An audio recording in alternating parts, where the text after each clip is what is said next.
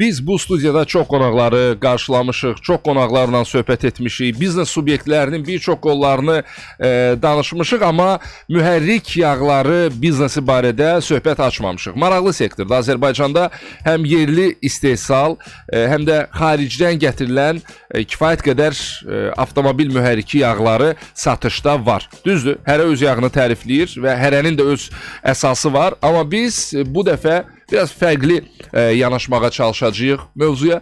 E, indidən deyim, əgər sürücülərimizin sualı olarsa 055 455 1077 WhatsApp nömrəmizdə suallarınızı gözləyirik. O ki qaldı qonağımıza Retro MMC-nin ərazi üzrə satış rəhbəri Avdil Əliyev studiyamızdadır. Ravinol e, yağlarının Azərbaycana rəsmi idxalçısı Retro Holdingin əməkdaşıdır. Avdil bəy, xoş gəlmisiniz. Xoş gördük. Necəsiz? Şükür Allah, salamatçılıq, hər şey yaxşıdır. Bayram qabağı satışlar yaxşı getdiyinə görə üzünüz gülür, pozitiv əhval-ruhiyyədəsiz. Sevindirici haldır. Bəli, bəli. Ravenol ümumiyyətlə yaxşı yağlar həmişə yaxşı satılır. Əlbəttə. Ravenol da bu məhsullardan biridir. Ona görə də biz elə buradan sürücülərimizə də təşəkkür edirik ki, çox sağ olunsunlar ki, Ravenola seçirlər belədir. A, indi gəlin e, məsələnin əsas tərəflərindən biri birini danışaq. Bazarda e, təklif olunan yağ markaları çoxdur, kifayət qədərdir. Necədir avtomobil mühərrik e, yağı biznesində olmaq və baş çıxartmaq? Çox gözəl sual verdiniz. Yəni bu sual yəni hər dəfə qarşılaşmırıq. Bəli, bu bu günə Azərbaycan bazarında yağ sektoru belə deyək də çörək şirin ağzında deyilən bir şey var. Amma belə bir şeydir bu saat. Yəni rəqabət çox böyükdür. Belə deyək, bəlkə də Azərbaycan bazarına belə 10 milyonluq bir, ə, ə, ölkəyik və burada 1 milyon uzaqbaş avtomobil olardı Azərbaycanda təxmini. Bəlkə biraz. Bəlkə də biraz çox. Ə, 300-dən çox, bəlkə də çox çeşid firmalar var ki, yağ gətirilir. Ancaq bu yağlar belə deyək də, e, hamısı keyfiyyətli deməyək. Heç bir belə deyək də, bunların içində bir 10 dənə, 300-ün içində bir 15 dənə keyfiyyətli yağ var, firma varsa, o böyük bir şey adlandırardım. Çoxsu tərkib olaraq mineral tərkibli, yarım sintetik, çox ucuz baza yağından hazırlanmış məhsullardır. Ə, çox güman indi bazarda bunu belə deyək də sürücülərimiz seçir keyfiyyətli yağı. O da ancaq necə seçiləcək seçirlər? Keyfiyyətinə görə istifadə etdikdə artıq özləri o keyfiyyəti hiss edirlər ki, hansı yağ hansı yağdan üstündür. Düz düzdür. Biz firma olaraq bizim mütəxəssislərimiz də, mənim özüm də Hı -hı. və verdiyimiz hər, hər hansı harasa o yağı veririksə, biz orada treninq keçirik və ustalarımıza və bunu sat hansı ki mağazalarda satacaq satıcılara yağın hansı tərkibdə hazırlanmağını, hansı baza yağından hazırlanıb, hansı avtomobilə hansı yağı vermə, versəz daha düzgün olar. Həm bu sürətlər qutusu yağına aiddir, sürətlər qutusuna aid, həm də mühərrik yağlarına görə biz treninq keçirik, yəni ustalara. Ancaq çətindir bu saat. Yəni belə onu bildirmək istəyirəm ki, bazarda yağ seçimi adi sürücü üçün çox çətindir. Mən onu bilirəm ki, məsəl üçün Ravinolu Azərbaycana ancaq və ancaq Retro Holding gətirə bilər Bəli. müqavilə əsasında. Çünki başqa bir şirkət bunu gətirməməlidir. Müqavilə var Alman Bəli, sırf almanların rəsmi distributor həmkarlarla. Bəli, rəsmi distributor olaraq sırf Retro Holdingdir. E, yəni Azərbaycana gətirə biləcək sırf yağı Ravenolo re, re, e, Retro Holding gətirir. Başqa heç kim gətirə bilməz. Mən sizdən başqa bir məsələnin e, cavabını soruşmaq istəyirəm. Ümumiyyətlə proses necə olmalıdır? Necə tənzimləməlidir? Məsəl üçün mən özüm də bir sahibkar olaraq xarici ölkələrin birindən e, mühərrik yağlarını Azərbaycana gətirib sürücülərə təklif eləmək istəyirəmsə, necə yoxlanılır? Bu yağın keyfiyyəti necə təyin olunur? Bu kartof deyil ki, gedib elə 1 kilo alıb gətirəsən. Bunun bir texniki tələbləri var, texniki şərtləri var. Biz e, sürücülərimizi aldatmamalıyıq, onlara yalan danışmamalıyıq. Çünki biz e, həm bir biznes qurmuşuq. Təbii ki, e, sürücü görsə ki, 5 aydan sonra bu yağ effektiv deyil, motor dağılır, və ya başqa bir problem çıxır, o yağdan istifadə eləməyəcək. Bəli. Düz deyirəm? Bəli, E, düz texniki şərtlər necədir? Yəni e, distributor olaraq siz o yağları Azərbaycana gətirərkən nələri yoxlamısınız və nələr yoxlanmalıdır? E, bəli, biz e, Ravenol yağlarının ümumiyyətlə bu belə deyək də Almaniyanın özündə çox böyük bir brend, böyük bir şirkət olduğunda burada yağların hər birinin texniki göstəriciləri belə deyək də pasportu. Aha. Hər birinin pasportu var və hər bir yağın üzərində özüllüyə görə 5.20 olsun, 5.30 olsun, 5.40 olsun, 10.40 olsun, hər birinin texniki göstəricisi o yağın üzərində və yağın kitab və pasportunda qeyd olunur. Hı -hı. Əgər bunu ə, belə a, məsələn Ravenol şirkəti bunu bizə təqdim eləyir. Məsələn deyir ki, bu 540, məsələn ə, sintetik tərkibli yağlar məsələn də bizdə 3-cü qrup baza yağından hazırlanmış yağlarımız var və yaxud 4-cü qrup və 5-ci qrupun qarışığı. Yəni 3-cü qrup baza yağı, mən bunu qısa deyim ki, neft məhsulundan hazırlanır. Dördüncü qrup PAO ya- yağı isə qazda, qazdan hazır, etilen və butan qazından hazırlanır. Əsl sintetika, 100% sintetika bu saat dördüncü qrup baza yağından hazırlanmış məhsuldur. Və yaxud dördüncü qrupun içinə də hələ bir 5%, 10%, 5-ci qrup sayılan ester baza yağı qatılırsa, o məhsul ən yüksək keyfiyyətdə bir məhsuldur. Yəni Aha. dünyada bu yağ 4-cü qrup və 5-ci qrup baza yağı və tərkibinə də bir qism 3-cü qrup baza yağı qatılır. Buna almanlar 6-cı qrup deyirlər. Ən yüksək baza yağı, e, belə deyək, ən keyfiyyətli e, yağ sayılır. Və o yağın hər bir yağın texniki e, göstəricisi almanlar bizə Ravenol şirkəti olaraq verirlər. Artıq burada biz sərbəstlik. Onlar e, bizə deyirlər ki, biz bu yağı vermişik sizə. Texniki göstəriciləri budur. İstədiyiniz yerdə müstəqil laboratoriyalarda aparıb bunu analiz eləyib, eyni yoxlaya bilərsiniz ki, yəni uyğun gəldimi bunun texniki göstərici parametrləri. Və biz bunu elədik, Azərbaycanda gətirdik. Yağlarımızın bəzi e, hansı ki 530-umuz, 540 biz həqiqətən də laboratoriya analizi özümüz elədik. Bizdə bunun e, sertifikatları da var. Müstəqil laboratoriyalarda analiz eləmişik və həqiqətən də bizə verilən texniki göstəricilərlə tam uyğun gəldi. Məsəl üçün mən e, Ancaq bunu hər adam eləmir, hər şirkət eləmir. Aydındır. Yəni, E, mən avtomobilin mühərrikinin yağını dəyişməyə gedəndə, təbii ki, adam e, bir yağı seçir və davamlı olaraq ondan istifadə eləyir. E, necə eləmişdim? E, servisə daxil olursan, ustadan soruşursan ki, bu yağlardan hansı məsləhətlidir? Təbii ki, məndə belə bir xasiyyət var və, ya formalaşdı ki, e, usta hansını tərifləməyə başlas, e, başladısa, mən həmin yağları qoyuram kənara. Niyə? Düşünürəm ki, Azərbaycanda ustaların və servislərin əksəriyyəti e, mənə elə gəlir ki, faiz eşləyirlər. Məsəl özlərinə sərf eləyən şeyləri. mən nəyi demək istəyirəm? X bir şirkət gətirir məhsulunu təqdim eləyir, deyir nə qədər satsan, filan qədər faiz sənindir. Təbii ki, burada ustanı e, daha çox qazanacağı pul maraqlandırır, nəinki Rəhmanın sürdüyü avtomobil. Bəli. Ona görə də onlar pulun xətrinə e, daha çox faiz aldıqları şirkətin yağını təqdim eləyirlər. Bu məsələlər bazarda necə tənzimlənir? Ümumiyyətlə sizin yanaşmanız necədir? E, keyfiyyətli yağ istifadəsi üçün sürücünün hansı addımlar atırsınız? Faiz məsələsi uğurlu yol deyil, düşünürəm. Bilirsiniz, faiz məsələsi e, düzdür. Bu gün firmaların çoxusu, mən bir də deyirəm ki, həmən ki, bazarda keyfiyyətli yağ çox azdır.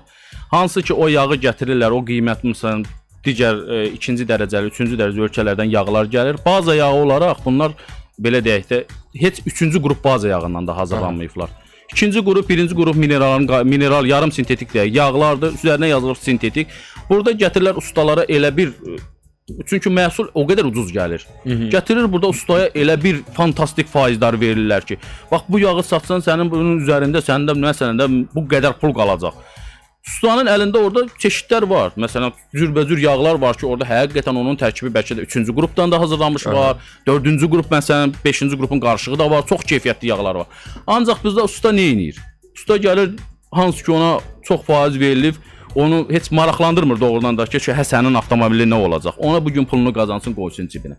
Ona görə bu gün bu gün biz o treninqləri, bax burdan efirdən də, e, radiodan da, burdan biz səslənirik sürücülərimizə ki, siz maariflənsinlər ki, tökdükləri yağın ümumiyyətlə indi hamının əlində internet əsridir. Hamının əlində telefon və internet var. Hər hansı yağı ist istifadə edirsə, o yağı haqqında bir dənə YouTube-da və ya Google-da bir dənə axtarış versə, o yağın haqqında tərkibi də, texniki göstəriciləri də, hər bir şey inandırım, əgər o premium yağdırsa, onun bütün göstəriciləri hamısı orada qeyd olunacaq. Əgər o yazır yağın adını, orada heç nə çıxmırsa, bilin ki, o yağ heç istifadə yararsız bir yağdır. Google-da nəsə yazanda ə, ad baxımından onsuz da nəsə çıxır. Söhbət ondan getmir. YouTube, Amma adı YouTube-un özündədir. Məsələ ondan ibarətdir ki, e, elə ustalar tanıyıram da mən e, ki, bir yağdan, məsəl üçün 10-40 ölçülü yağdan e, bütün avtomobillərdə istifadə edirlər. Yəni 06 Jiguli də ora gedəndə o, o yağdan tökürlər. E, Mercedes də gedəndə, digər markalar da gedəndə. Əlbəttə o Bu nə yanlış. dərəcədə doğru? O, o doğrudur, o yanlışdır. Hər bir avtomobilə uyğun yağlar var standart. Əgər məsələn mənim avto sizin avtonuzda ya mənim avtom 530 özüllüyü orada istifadə olunmalıdırsa və 530-un da orada standartları var. 530-lar var, o çeşidləri çoxdur. ACA C3 standartı ilə 530 var, İlsak standartı ilə 530 var, ACA A3 B4 ilə 530 var, ACA C4 ilə 530 var, artıq ACA C5 ilə çıxıb 530 var. Bunlar fərqli-fərqli 530-lardır. Əgər sənin avtomobilinə, məsələn deyirik, standartı ACA A3 B4 ilə, yəni Avropa avtom ACA qısa deyirik, Avropa Avtomobil Assosiasiyasının təsdiqi var və yaxud Amerika Petrol İnstitutunun təsdiqi var. Məsələn, Amerika Petrol İnstitutu sənə təsdiq edir ki, 530 töksə SN, ACA məsələn e, A3 B4 və yaxud sən tökməlisən İlsak GF5, İlsak GF6. Sən ona uyğun 530-u seçməlisən. Artıq bizdə belə bir anlayış da var ustalar. O çoxsuna gedirsən, deyir 100 mini keçib 10-40 tökək.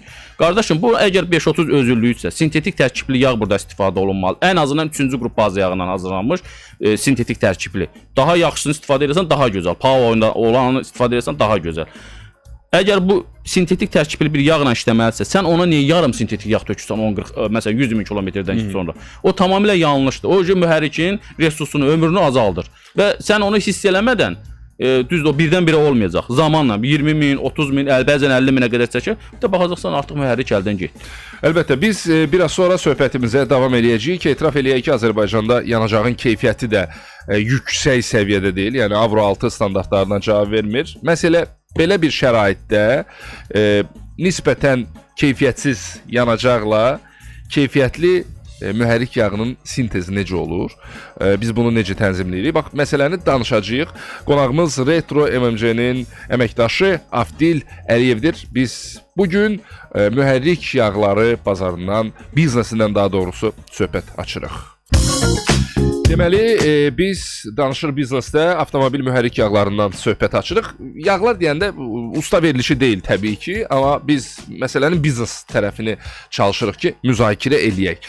E, Retro MMC-nin əməkdaşı e, Avdil Əliyev studiyamızdadır. Bir çox məsələləri danışdıq, amma qaldı nə?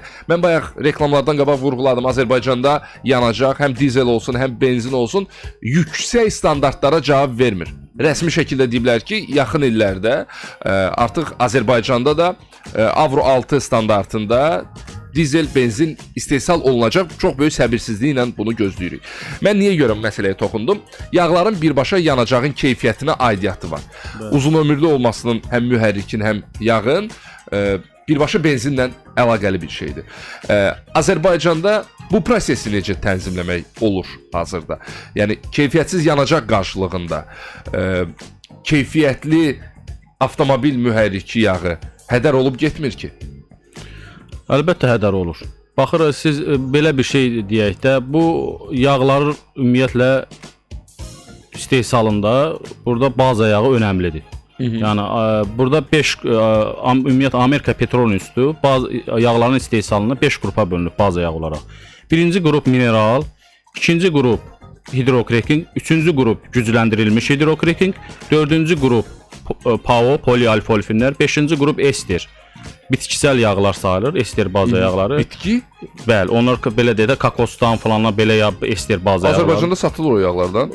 Bəli, bizdə var da ravinolun tərkibində. Bitki tərkib. Yəni o belə deyək də tərkibində onun 100% ester olmur. Ester baza yağı yəni 10% Hər bir yağın tərkibinə 5%, 10% qatılır ki, onların e, belə deyək də baza yağı olaraq çox güclü yuyuculuq qabiliyyəti olur və metalda yapışıb qalaraq, metalda ilkin olaraq da ən birinci soyuq havalarda olur da, yəni yağ axır kartıra o ester bazağı yapışıb qalır metalda. Aha. Və ilkin kodlama zamanı aşınmalar, yəni bunu mütəxəssislər, mexaniklər, laborator analizlər göstərir ki, ilk mühərrikdə ilkin aşınma zamanı ilk kodlanan zaman olur. Və ilk kodlanan zaman o ester baz yağı metalda yapışıb qaldığına görə orada nə edir? Aşınmadan, sürtünmədən o yağ gəlib orada artıq dövrəyə tam mühərriki tam dövr eləyənə qədər orada qoruyuculuq rolu oynayır. Bu ester baza yağına hazırlanmış məhsullar məsələn bizdə ə, belə deyək də Azərbaycana belə məhsullarında gətirilən yağların içində yeganə belə deyək də ən çox məhsulunda bütün özüllüklərdə PAO və ester baz yağından hazırlanmış məhsullar ravinol ravinoldadır. 5.30-umuzda, 5.20-də, 5.40-da, hətta 10.40 özüllüyündə belə 30% tərkibi PAO-dur. 5.40-lar var ki, onların tərkibi polialfolifin deyəndə biz reklamlarımızda da çox PAO PAO deyirlər. Aha. İndi müştəri insanlar soruşur PAO nədir? PAO qısa adı, yəni uzun adı deyil, polialfolifin. Yəni bunlar polialfoliflər hazırlanır etilen və butan qazlarından. Yəni neftdən hazırlanmır, qazdan hazırlanır.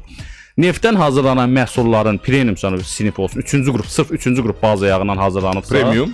belə deyək də 3-cü qrup baza yağından tam hazırlanıbsa, yəni hidrokrekin üsulu ilə hazırlanmış neft məhsulunun belə də parafindən, kükürddən baza yağının demək olar ki 99% təmizlənməsidir. Premium sinif 3-cü qrup baza yağından hazırlanmış məhsuldursa, bunun mühərrikdə işləmə saatı 300 motor saatdır. Yarım sintetik yağların, yəni 10-40 deyək də, belə də. Yarım sintetik yağların mühərrikdə işləmə saatı 250 motor saatdır. 220-250 motor saat. Ö- A, PAO tərkibli yağların, polialfolifin plus ester baz yağından hazırlanmış yağların mühərrikdə işləmə saatı 500 motor saat və 600 motor saat arası dəyişir. Aftil bəy, biz Bu da istifadə edəcəyimiz yanacaqdan asılıdır. Biz belə terminlərə öyrəşməmişik. 300 motor saatı nədir? yəni Bizə deyirlər ki, gedərsən 8000-dən sonra gəl, 10000-dən sonra gəl. Xeyr, tamamilə bu yanlışdır. Aha. Yəni bu ən böyük yanlışdır elə ə, sürücülərin mühərriklərinin sıradan çıxma səbəbinin də ən böyük səbəbi elə bax bu termindir. Get 5000-dən sonra gəl, 8000-dən sonra gəl, 10000-dən sonra gəl. Elə deyil. Əgər sən 3-cü qrup baz yağına hazırlanmış hecə sintetik bir məhsulu və, və fərqi yoxdur. 530 olsun, 540 olsun. Tökürsənsə və yaxud 520. Bunun mühərrikdə işləmə saatı premium yanacaqla, bax bunu da toxunuram. Biri var siz euro 3 yanacaq tökürsüz, bir də var Bizimki. euro 5 yanacaq tökürsüz. Bizdə əgər siz belə deyək də elə 92 400-süzsə siz 250 motor saat sürəcəksiniz. Yox, əgər 95 daha üst tökürsüzsə onda sizcə artıq 300 motor saat və 300-dən də biraz artıq Yox, sürə motor bilərsiniz. saatı nə, hansı Motor saatı gəlir? belə deyək də, belə bir anlayış. Elə bilər ki, mühərrikə yağı tökdünüz. Ola bilər ki, 0 kilometr maşını siz yerinizdən tərpətmirsiniz. Amma gündə xodlayırsınız 5 saat sürürsüz. Orada yağın resursu gedirmi? Aha. Gündə 5 saat, gündə 5 saat, gündə 5 saat, bir aydan tutaq ki, bir aydan sonra 300 motor saat doldu. Aa. Bu yağın resursu 300 motor saatdır. E, məsələn, bu da necə götürülür? Bakı şəhərində orta sürət 20-25-dir. Bəzi yerlər var, hətta orada 10 kilometrə qədər enir. Amma Bakı şəhərində sürən bir insanın orta sürətini 20 kilometr götürək. Əgər siz məsələn də bir hecə sintetik yağ istifadə edirsinizsə, 300 motor saatdır da bunun resursu. 20-ni vururuq 300-ə. Nə qədər elədi? 6000 kilometr. Yəni siz 6000 kilometr ancaq bunu sürə bilərsiniz. Kimsə sizə deyəcək ki, get 10000 kilometr sür. Ücə bu yanlışdır. Ar- Artıq elə avtomobillər var ki, orada orta sürət qeyd olunur. Yəni orada avtomobilin içində padborda orada o göstərir ki, məsələn, sənin orta sürətin 10-dur, sənin orta sürətin 15-dir. İndi fərz elə 10-u vuranda ücə 300 motor saatına bu eləyir 3000 kilometr. Yəni ola bilər ki, sən 3000 kilometrdə artıq sənin yağın resursu qutardı. Sən ücə 6000 kilometr əgər onu gözləyib sürəcəksənsə, sənin mühərrikin nə oldu? Artıq o yağ orada özüllüyünü itirib, keyfiyyətini itirib, qatqı paketləri öz resursunu qutarıb, yağın resursu qutarıb. Orada artıq mühərrikdə yağ nə edir? İki detal ara detallar arasında sürtünmədən aşınmadan qoruyur. Artıq yağ orada nə detalı qoruyur, nə sənin mühərrikini Qoruyur. Keç yağı yox. Elə bil ki, yağ yox, ağırlaşmış, qatılaşıb yağ, yağın yanmış külləri, o mühərrikin bütün belə deyək ki, detallarına başlayır artıq sürtünmədə, aşınmada bütün detallar aşınır. Mühərrikin belə deyək də sanlikləri sıradan çıxır. Mühərrikin porşunda olan kolçaların gözləri iynə deşiyi qədərdir. Kolçalar tutulur. Yağın yanmış küllər dolur ora və də 6000-də gəlirsən, halbuki sən artıq 600 motor saat sürmüsən. Sənin orta sürətin 10 kilometrdir şəhərdə. Elə yerdəsən ki, 1 saatlıq yolu 5 kilometr yolu 1 saata gedib gəlirsən. Sənin o 5000-i doldurmaq üçün 600 motor saat sürməlisən. Halbuki sən 300 motor saatda yağın resursu qutarıb. Onun üçün biz nə ilə bizim məhsullarımızda polialfolifin tərkibli yağlarımız var. PAOS-dir.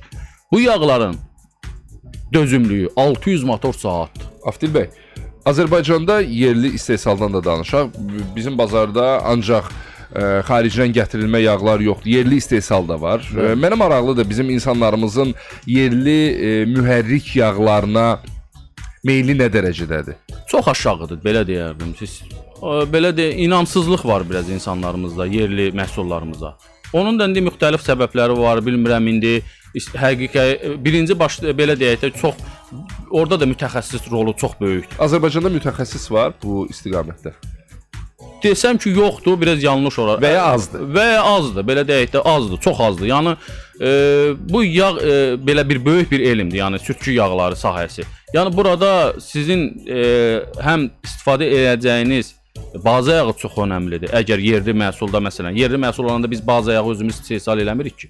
Xammal kimi alırıq. Xam mal kimi biz özümüz alırıq. Ancaq Xaricdən. xaricdən. Niyə niyə istehsal eləmirik? Bu, bu, üçün bizim, nə lazımdır? bu bizim elə ən böyük bir dərdimizdir də. Halbuki siz yeni yanacaqdan danışırsınız ki, bizim indi belə deyək də e, 95 yanacaq istehsal eləyən e, neft ayırma zavodumuz tikilir. Halbuki bu neft ayırma zavodu artıq 10-15 il, 20 il bundan qabaq tikilməli idi. Biz niyəyə görə Koreya 3-cü qrup baza yağı istehsal edir, SK lubrikans dünyaya 52%-ni. Biz neft məhz istehsal edən ölkə, qaz istehsal edən ölkə, nə özümüzün 95 yanacağımız, nə, nə də ki biz baza yağı istehsal edirik. Biz e, əsasən bu xammalı hansı ölkələrdən alırıq? Ə, Mən onu deyə bilmərəm o şey hardan istifadə eləyirlər məsələn. Hə, informasiyanız yoxdur. Var, ancaq onun adını çəkmək biraz düzgün deyil. Bəlkə də onlar Aha. üçün biraz özləri sir kimi saxlayır, amma mən sizə deyərəm hardan alırlar. Ha, Çox- aydındır. Ancaq dünyada ən böyük 3-cü qrup baza yağı istehsalçısı Koreyadır. Koreyadır. Bəli. Azərbaycanda Halbuki onlar neft zat istehsal eləmir ha. Ha, Aydındır. E, Azərbaycanda son illər e, daha çox sürülən maşınlar Amerikanka e, avtomobillərin belə adlandırırlar. sürücü- Amerikadan gəlmiş, bəli. Amerikanka, Amerika istehsalı olan avtomobillər. Sonra hibrid avtomobillər çox e, geniş yayılıb. E, Yaponiya istehsalı e, olan avtomobillər çox geniş yayılıb. E, burada e, mühərrik yağları ilə necə davranmaq məsləhətdir? Yəni e, fərqi varmı? Avropa istehsalı olan avtomobilə tökülən yağın Amerika istehsalı olan avto və ya Amerika üçün istehsal olan Əlbəttə avtomobilə onun stand tökülməsi. yağı hər bir yağın özüllüyünə görə. Tutaq ki, əgər onda 5.20 və yaxud 5.30 standartlı yağdırsa, hər birinin e, özüllüklü yağdırsa, onun standartı var. Burada Yapon maşınlarına, Asiya maşınlarına məsələn orada IP standartı, IP SN, İlsak orada götürülür. İlsak standartı, İlsak GF5, İlsak GF6 olmalıdır. Və yaxud burada ACEA standartı da tökə bilərik. ACEA A3 B4, ACEA A5 B5. Yəni bəzi bizim insanlarımız elə bilir ki, yox bunun mühərrikinə ilsak yazılıbsa, elə sırf ilsak tökməlidir. İlsak standartı məsələn də bunu deyim 5-6. Bu işləməlidir Euro 5, Euro 6 yanacaqla. Sən onun tələbini mühərrikin, və yaxud bir maşın gətirirlər Koreyadan. DPF olan bir avtomobildir. 530-540 tökülməlidir. Ancaq orada tələbi deyir ki, ACEA C3 ilə tök. Avtomobil Avropa Avtomobil Assosiasiyası orada iki sinifə bölünüb. A3, B4 ilə olan bir də var C-lərlə. C1, C2, C3, C4. C1, C2, C3 sırf bu DPF quraşdırılan avtomobillər üçündür. Dizel avtomobillər, bəzi avtomobillər var, benzin mühərriklərdə də istifadə olunur. Ancaq bunun bir tələbi var C-lərin. Ya e, demək, yanacaq Euro 5, Euro 6 istifadə etməlisən. Sən bu yağı tökürsən C ilə. Tutaq ki, deyirsən ki, bunun tələbi budur. Mənə ACR C1 ilə, C3 ilə ver. Məsələn, mən verdim bu C3-ü sənə. Bizim məhsullarda da var, bütün firmaların məhsullarında da var. Əgər sən gedib bu yağla Euro 5, Euro 6 yanacaq tökməyəcəksənsə, onda bu yağ orada resursunu 2000-də qutaracaq. Ona mütləqdir ki 95-dən istifadə. Bəli, ya da dizel olaraq Euro 5, Euro 6-dan istifadə e- eləyəsən. Çünki onun C3-ün tələb çox dizel mühərriklərində istifadə olunur. Bizdə də Euro 5, Euro 6 dizelimiz tələbə cavab verirmi? Yox. O C3-ü tekir, sonra deyir turbamda problem yarandı, mühərrikimdə problemlər yarandı. Onun üçün ona görə də mən məsləhət verirəm ki, onlara AC A3 B4 ilə tökün. Çünki o tələbi olan yağların keyfiyyətsiz yanacağa dözümlülüyü daha yüksəkdir. Ona görə seçəndə yağı standartına görə bir sırf baxmamalısan ki, məndə nə göstərir. Sən onu tökdüyün bütün standartlara, tələbinə riayət etməlisən. O yağı tökürsənsə, o yağa uyğun yanacağı da tökməlisən. Əgər sən o yağı töküb o yanacağı tökmürsənsə, onda tamamilə başqa standartlı yağ tökməlisən. Bizdə biraz kadr məsələsində də problem var, mən bildiyim qədərilə. Məsəl üçün ustalar ə, necə gəldi yanaşırlar da məsələyə. Bəli. Əsas yağı töksünlər, pullarını alsınlar. Bunu görəsən necə həll eləmək olar? İndi siz işinizlə əlaqədar, yəqin ki, siz və ya ə, həmkarlarınız Avropa ölkələrinə, dünyanın fərqli ölkələrinə səyahət edirsiniz. Yağ istehsalı olan ə, zavodlarda e, iştirak edirsiniz, prosesləri görürsüz. Onların yanaşması necədir? Bizdə e, yanaşma necədir? Təbii Vallahi bizdə bəllidir artıq. onları- Necə düzəltmək olar? Onların yanaşı ustalarda, e, adi yağ dəyişən ustalarda sizin e, bildiyiniz və izah elədiyiniz detalları çox yaxşı bilsinlər və işlərinə vicdanla yanaşsınlar. Bax Almaniyanın özündə biz e, belə deyək, almanlara deyəndə ki, belə-belə problem oldu falan oldu. Onlara çox belə qeyri-adi gəlir. Çünki onlarda yanacaq çox keyfiyyətlidir. Onlarda belə problemlər rastlaşır. Yox, mən usta məsələsini deyirəm. Usta Yanacağı hə, bildim. Aydın. Usta məsələsində biz ancaq belə deyək də, onlara yanaşmaq, biz ancaq ustaları belə deyək də, e, treninq keçməklə maarifləndiririk. Ke- siz özünüz eləyirsiniz, keçirsiniz bu treninqləri, yoxsa Yox. ustalar özləri maraqlı olmalıdır? Yox, əslində ustaların özü maraqlı olmalıdır. Yəni ancaq sizin treninqdə gəlib iştirak edib, nəticədə gedib yenə öz bildiyini eləyəcəksə, bu treninqlərin nə əhəmiyyəti var? İndi onu hər bir ustanın vicdanına buraxırıq biz. Biz Aha. çünki biz özümüz də nəzər əgər bizim Ravenol məhsullarını o hər hansı bir mağazaya, ustaya vermişiksə biz ora nəzarət edirik. Çünki məndən başqa bizim menecerlərimiz var ki, orada həm ustaları maarifləndirirlər. Yəni mənim qədər onlar da bu yağ işində maarifli maariflidirlər. Bilir- bilirlər. bilirlər çünki mənim biz özümüz onları mən özüm şəxsən hazırlamışam, treninq eləmişəm. Onlar tamamilə peşəkardırlar bu üzrə və verdikləri hər bir yerə cavab verdilər. O ustaların hər birini e, hansı yağdır, tərkibi nədir? Bu yağın məsələn bu ravenol yağının tərkibi budur. Bu bu, bu məsələn bu 4-cü qrup baz yağından hazırlanır. Tərkibində 5-ci qrup baz yağı da var. Bunun tərkibi sırf 3-cü qrup baz yağıdır. Məsələn bu yarım sintetik olmağına baxmayaraq bunun tərkibində 30% bal. Bütün məhsullarımız haqqında ustaya geniş məlumat verilir. Hansı yağ hansı, hansı maşına tökülməlidir, hansı mühərrikə bunu töksən daha effektli olar. Bunun yanacağına fikir ver. Məsələn e, e, birbaşa yəni tökdüyün müştəridən soruş ki, hansı yanacaq istifadə edirsən. Ucdan tutma 7000 8000 kilometr vermə. Mühərrik saatına görə ver. Məsələn bunun 300 motor saatdır, bunda 500 motor saatdır. Biz bunun hamısını deyirik. Ustalara da bacardığımız qədər biz verdiyimiz nöqtələrə nəzarət eləyirik. Ancaq daha o biri tərəf qalır ustanın belə deyək də özünün insafına. Hı -hı. Əgər usta başlayacaq yenə öz bildiyini eləməyə, onun onsuz da o əgər öz bildiyini eləyirsə, o bir dəfə, iki dəfə eləyəcək. O müştərini itirəcək. Yəni bunu mən sizə 100% deyirəm. O usta ki az qalır, o onun özünün öz günahıdır. O ki artıq başlayacaq o artıq 1-2 manat qazancına görə yanlış yağları tövsiyə eləməyə və artıq ucdan tutma hamıya 7000, 8000, 5000 verməyə, o ucu artıq o onun o ustanın yanlışı olacaq və o usta sabah onun baş ağrıyacaq. Aftil bəy, e, Azərbaycanda ən çox e, alınıb satılan maşınlar ikinci əl avtomobillərdir. Xüsusən də e, xaricdən gətirirlər. Mən nəyə toxunmaq istəyərdim? Kimsə avtomobil e, gətizdirirsə, e, çalışır ki, onun müəyyən detalları var ki, dəyişsin, özü dəyişsin, bilsin ki, bunu nə vaxtdan etibarən özü istifadə edir. Məsəl üçün, e, sürətlər qutusunun yağıdır, mühərrikin yağıdır, təkərlərdir və digər detallardır. Bəli. Mən burada yağ məsələsini danışmaq istəyirəm. Məsələn, mən Almaniyadan bir avtomobil seçib özüm üçün e, gətizdirmişəmsə, e, yağ məsələsində necə davranmalıyam? Yəni ki, davamlı olaraq həmin yağdan istifadə edeyim ki, problem yaranmasın. O mü e, mühərrik saatı aydındır. Buna fikir verərək marka adı çəkmədən biz e, ölçülərə və xüsusi detallara fikir verərək tövsiyəmizi eləyə bilərik. Belə deyim, əslində hər bir avtomobilin kitabçası olur. Aha. Hə, o kitabçada ora hansı sürətlər qutusu yağı tökülməlidir, mühərrik yağı hansı tökülməlidir, nə olmalı, hamısı yazılır. Ancaq çox təəssüf ki, bizə gələn siz buyurduğunuz kimi ikinci əl avtomobillər və yaxud üçüncü əl avtomobillər, orada heç bir kitab filan qalmır. Hamısı heç nə yoxdur. Heç bir sənəd tapa bilmirsən avtomobil haqqında. Və orada uca burada e, siz bilmirsiniz axı buna nə sürətlər qutusu yağı tökülüb filan olur. Burada uca e, peşəkar bir ustamı deyim, bir mütəxəssisin rolu olmalıdır. Elə bir yer avtomobili aparmalıdır və elə bir mütəxəssisdən soruşmalıdır ki, onun avtomobilinə uyğun, düzgün sürətlər qutusu yağını desin və düzgün mühərrik yağını desin. Adi sizə indi məsələn buyurduğum kimi bir dizel tutaq ki, bir avtomobil gətiriblər. Məsələn Koreyadan. Aha. Gətirib məsələn bilmirsən, bunun nə mühərrikin həcmi budur, məsələn 1.6-dır, turbo mühərrikdir. E, bunun DPF-i var. Məsələn siz bilmirsiniz korobka yağı nə tökəsiz, falan nədir. Tutaq ki, indi mənim gəlirsiniz Adi indi çox yağlarda baxırsınız da, ora girirlər, baxırlar ki, hə, görün padbor deyilən bir şey. Maşına mənim yağıma, maşınıma nə yağ gedir? Baxır ki, orada məsələn göstərdi ACS C3. DPF var da. Aha. Ancaq DPF var. Mən dedim axı ACS C3 yağlar işləməlidir Euro 5, Euro 6 yanacaqla. Sən də gedirsən ona baxıb, gedib bir ustaya, usta deyir, hə sənə bu C3 gedir. Aa bunu tök, bu 530-u tök.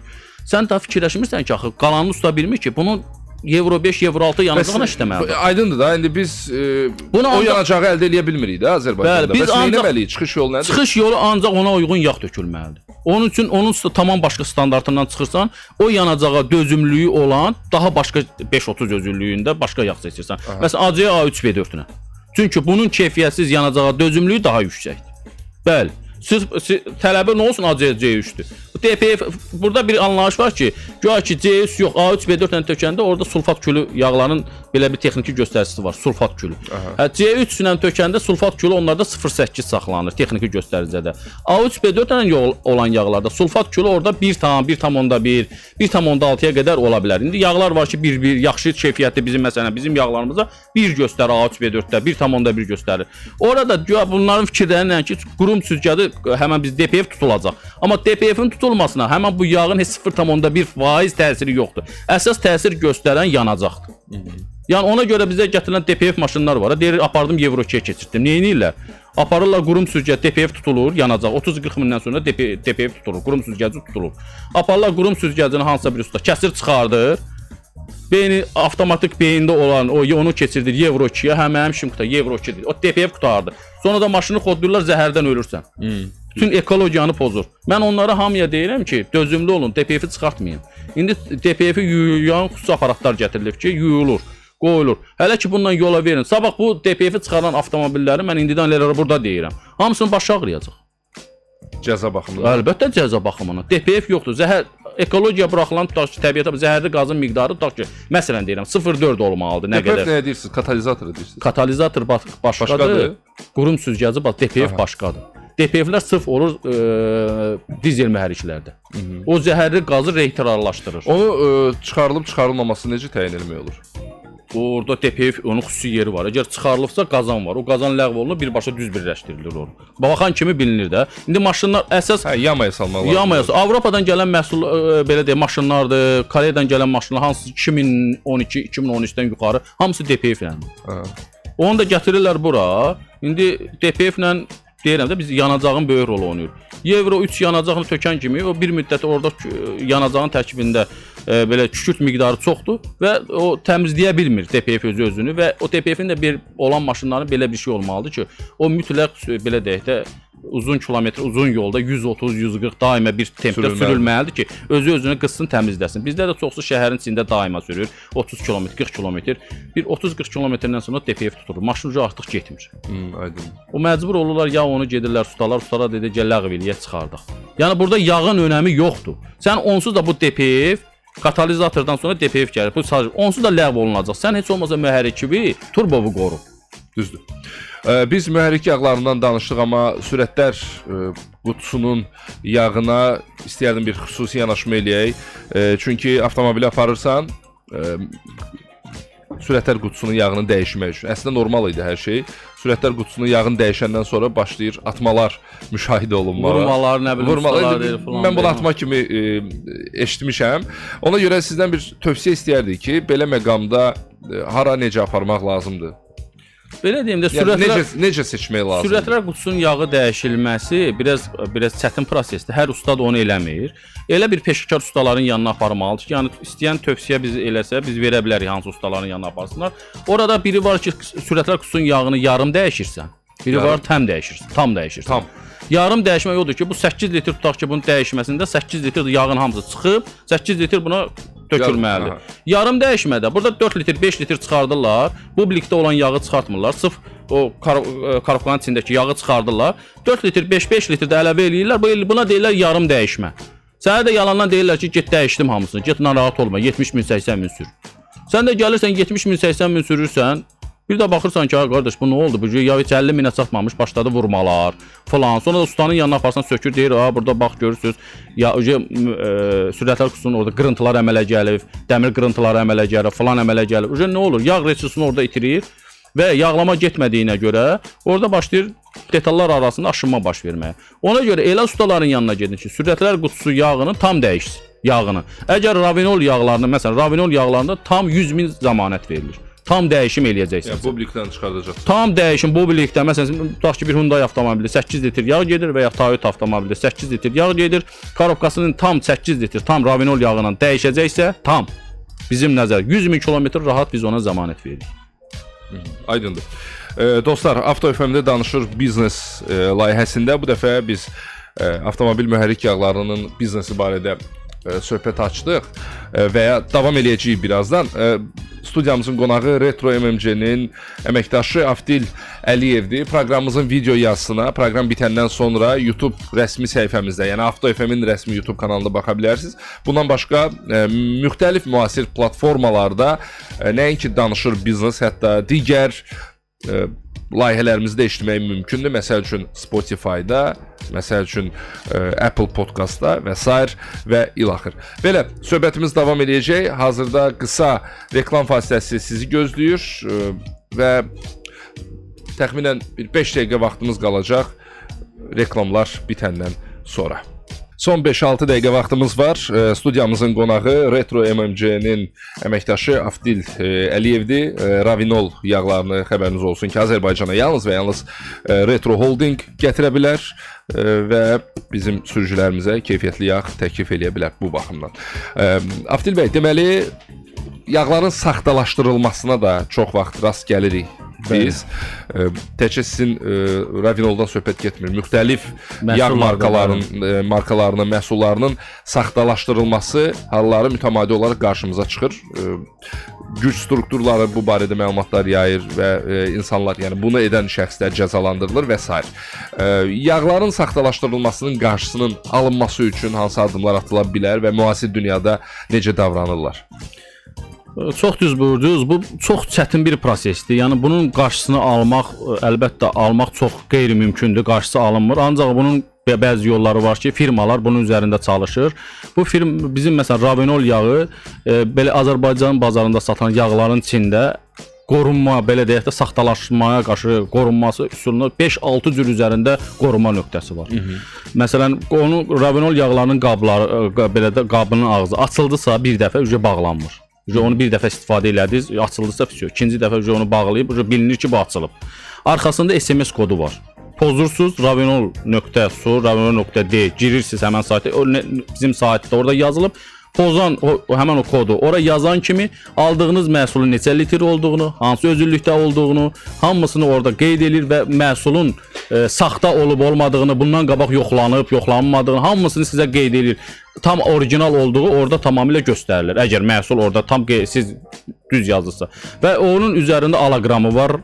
Sırf Ravenolun öz aloqramı var. O aloqramla da skaner vasitəsilə hər bir telefonla girən kimi birbaşa girir Ravenol saytına və yaxud ha, OEM təsdiqi varsa Mercedes-dən birbaşa OEM ora girir, göstərir və həmin o Ravenol yazısının altında gizlin bir yazı var. Onu ancaq ultra bənövşəyi şüa ilə görürsən. Vuran kimi orada Ravenol Madeni Germani yazılır və orada çox böyük ə, qoruma s- rahatlıqla ə, məhsulun tam orijinal olduğunu bu 4-5 dənə üsulla yoxlayıb tam əldə edə bilərsiniz.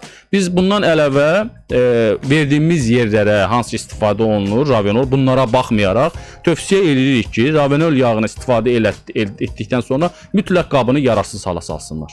Yenə də bu qədər qorumaya baxmayaraq biz bunu eləyirik ki, sabah götürüb hansısa bir Ravenol yağının qabına başqa bir başqa tərkibli bir yağı töküb, keyfiyyətsiz bir yağı töküb hansısa bir müştəriyə Ravenol adı ilə sat, satıb, sonra bizim məhsula a, bir adına ləkə gətirməsin. Ona görə mütləq qabını sıradan çıxa, çıxmasını Təmin edirsiniz. tövsiyə edirik ustalara. Ə, Aftil bəy, çox sağ olun. Təəssüflər olsun ki, vaxtımız burada yekunlaşır. Biz sizə işlərinizdə uğurlar arzulayırıq. Söhbət çox- çox maraqlı oldu. Düşünürəm ki, həm də faydalı ə, alındı. Minnətdaram sizə.